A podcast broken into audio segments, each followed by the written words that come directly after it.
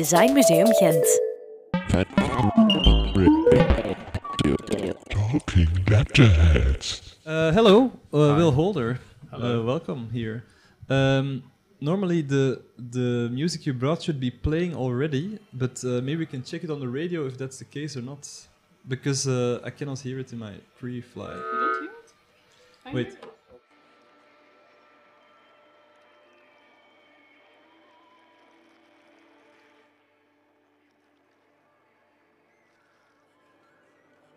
So we can just talk. Okay.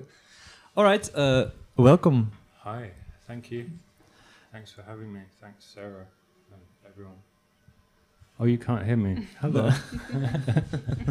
That's already a good start. People outside telling us what to do. Uh, Will, you told me uh, in an email through Sarah that you will bring you would bring a um, A5 sized paper with notes on it uh, Yeah. regarding uh, Robert Ashley. Yeah, Can you tell me more about it, or um, yeah, sure. Um, so I'll call him Bob because I, I knew him very well, um, Mhm. and that's like what I do. Um, I was working with Bob for about 10 years on a book and a series of books, and um, yeah, I think he's just extremely important to me in terms of what I understand of what my work is and what why what I'm doing now, speaking, is my work, and it's not necessarily a physical object; it's a or a material object. It's an ephemeral object Mhm. that's being produced live, and um, and how that relates to a more fixed form of printed matter, for example, and uh, yeah, a lot of the work that I've been doing for the last fifteen or twenty years is um, absolutely influenced and dealing with this relationship between the voice and the printed page, speaking and singing, and more recently broadcasting.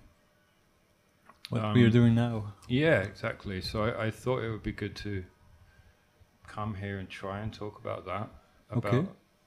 uh, uh, mm, use this very very public moment. No, it's not very very public because it's, It's FM, rather- it's FM radio and it's tiny. Uh, I don't know who's Tiny radius, I think, a hundred meters uh, around us. 100 meters. something like Nice. that. uh.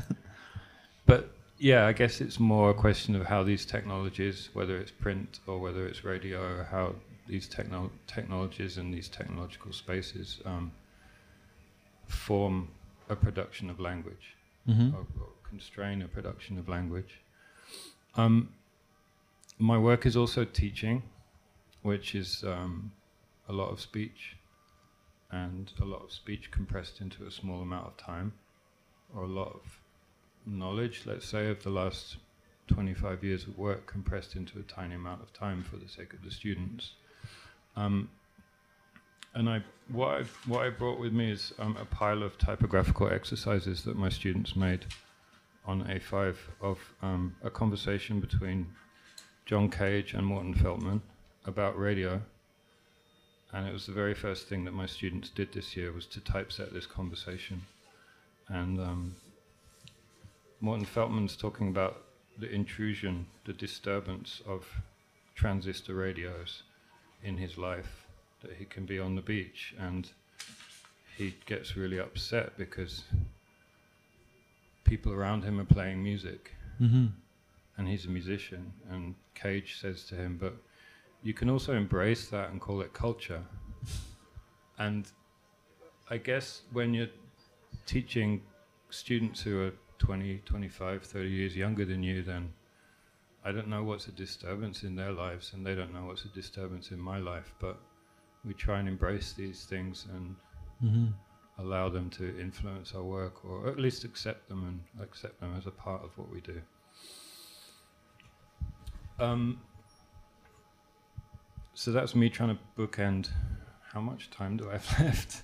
Well, Ten more minutes. ten more minutes, I'm that's afraid. cool. It's uh, So it starts with um, John Cage, Morton Feldman, and moving into Robert Ashley, who was a great friend of John Cage. Um, Ashley's wife, partner, Mimi Johnson, was John Cage's last secretary and tour manager.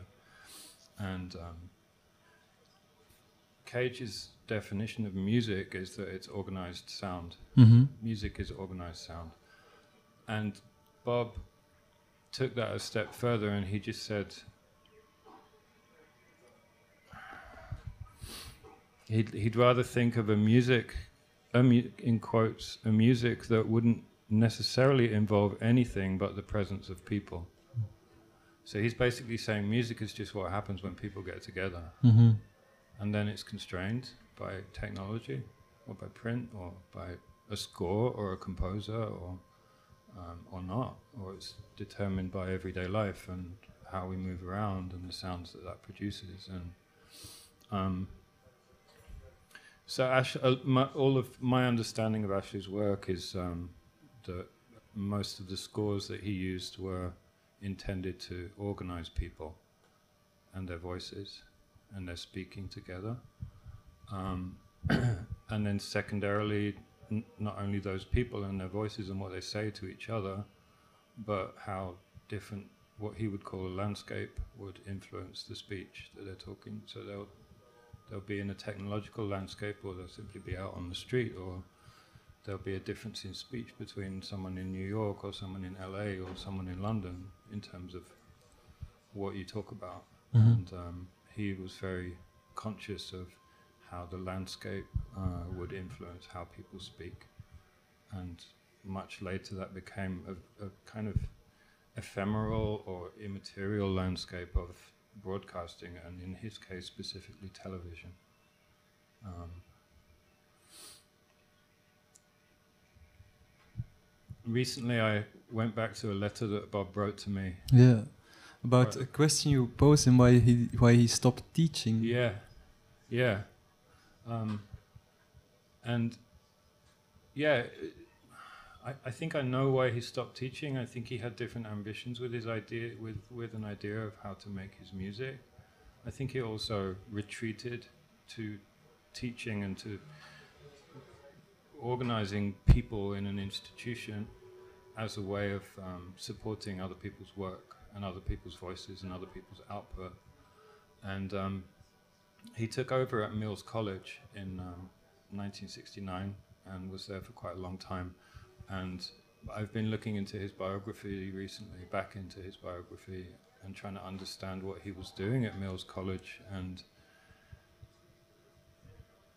and I went back to that letter that he wrote to me because at the time I just thought, oh, he didn't get my question. He's not talking at all about teaching. He's talking about sonic architecture and the organization of, of harmonic time and harmonic space in relation to two models that we already know, and that, that those models probably don't work anymore, don't have any relevance. And um, I reread that letter and I realized that he was talking about teaching. um, so I um, quite recently decided to go back to Mills College and start looking in the archives and to see how he organized that school and how he organized, um, yeah, a, a space for work Mm-hmm. Organized facilities. One of the most important things that I found was that he um, produced a, a, a production space that allowed people from the public to come in and use it as well. Um, To uh, to record things Yeah. or yeah. to try and broadcast things Yeah. and say things in public or produce things that would be broadcast publicly. Uh-huh. So one of the main um, considerations of his reinvention of the facilities at Mills College was that it, main constraint would be broadcasting and tape, and um, so tape, the use of tape in relation to radio, and later videotape in relation to TV Mm-hmm. um, was a, really important um, thing that he set up for people like Pauline Oliveros and Gordon Mumma and David Behrman. And he basically set up this space for his friends to work in. Mm-hmm. And they would come in regularly, and they wouldn't necessarily be teachers, but they'd be there as examples in producing and working in the space. And they could come in, and people from the public could come in, and everyone could use that space together Yeah. and see what happened. And um, To go beyond the boundaries of a, of a pedagogic system. or- Yeah. Yeah. Yeah, and and a pedagogy or a pedagogic system or a pedagogic pedagogic method that's um, absolutely re- related to broadcasting and technologies of broadcasting. So, Yeah. um, so I'm going to go back to Mills and look in the archives, and um, yeah, I, I, I imagine that maybe if I came back in three or four years' time, that I'd put a book down here of the result of that um, research in the archives and a result of my knowledge of his work and having worked with him. Um, but at the moment, all I have is this story that I want to tell, and It's beautiful. I love it that it will go up in the air, and that's that's also good. I think that you cannot grasp it, or that it's something that exists, like teaching, as like well. teaching as well, yeah. Yeah. or radio in in general. Like there is this, there's waves that go through barriers, Yeah. and then they disappear. Yeah, exactly. Yeah, and it might not be necessary to fix that or document that or Yeah. score that or I don't know. I'll see what happens, but yeah, that's that's yeah, this whole situation of piracy radio was something um, that was in the 80s in Belgium. Uh, for as far as I know, it was a was a no a common thing. yeah And uh, yeah, there is uh, there were there are now in Flanders. I think there is one radio station left that is uh, a free radio station. It's Radio Centraal in Antwerp, and Yeah. they that's like a I've radio station. Ah, yeah, they have no uh, yeah, I, I, they have no advert advertisements. So No. it's like totally pff, a free blubber of sound, is almost. Uh, Yeah. And it, yeah, I, I found it pity that that this is something that is marginalized or something. exactly yeah. But they don't want to. I mean, uh, it would be good to have more of these, uh, uh, like uh, broadcasts. well, I think there's a lot on the internet, no? It's true, yeah. I mean, I I do think that that's that's taken over from that space, Mhm. so it's not necessarily lost, but. It's nice. I mean, I used to live in Amsterdam, and I used to tune into Centraal and listen to it a lot. Yeah, But because my friends, some of my friends used to have shows there and yeah, produce radio shows there quite regularly, and I really enjoyed listening to that. And uh-huh. but I don't mind the adverts either. We talk a lot. I mean, working a lot with YouTube recently and different YouTube clips. And if I show something at school using YouTube through a TV, then you just get adverts and. It's some, you know, it's th- that intrusion that Morton Feldman's speaking about. Yeah, maybe it it's, is, It's uh, part of life, and hmm what the fuck do we do with that? And do we ignore it or do we embrace it and just call it culture, Or install ad AdBlock and then you don't see it. for example? yeah, yeah. Um, yeah, so Ashley worked for a really long time on these different ideas of what he later called opera, but just basically how people speak if they're put in a certain environment. Hmm and, and constrained to a certain amount of time, which might be related to a record, you know, the length of a record or the length of a tape, or hmm um, I don't know, the length of a videotape, and how people's speech and what they have to say to each other is constrained by that amount of time, and um, yeah, that as a, a, a landscape in which opera is being produced. So. All I can hear is people talking outside, but it's Yeah. part of the opera, and Yeah. they might be hearing that piece of music of Robert Ashley's, but I can't hear it. But Yeah, me neither, actually. I, You can hear, I hear. hear it. Yeah, I hear it. yeah, It's nice. okay. It's, uh, that was a piece by Ashley that we recorded with Thank some. you. uh, we have to stop, I'm Yeah, afraid. No yeah. worries. Uh, Okay. yeah, thank you very much. You're for, welcome. uh, Thanks for having me. Thanks yeah. for listening, and uh, I think I'm the last. No. Yes. Uh, there is Phantom Radio after you, but uh, that's Val- that's Valentine who's sitting there. he was quite uh, reluctant, but I don't know if he wants to talk for a long time. or- Oh yeah, so it's bookended, and I, I think the Cage Feldman piece is going to play now, right? Or I think so. Yeah. Uh, no, it's, um, it's actually s- still the Ashley piece. And I told Sarah told me it was not necessary Oh, okay. anymore. No worries. Okay. Yeah, or we can just Leave it still playing. Six minutes for, Yeah, uh, it's just- for Okay. the Ashley piece. All right. Yeah. Cool. Okay. Thanks Thank a you lot. very much. See you later.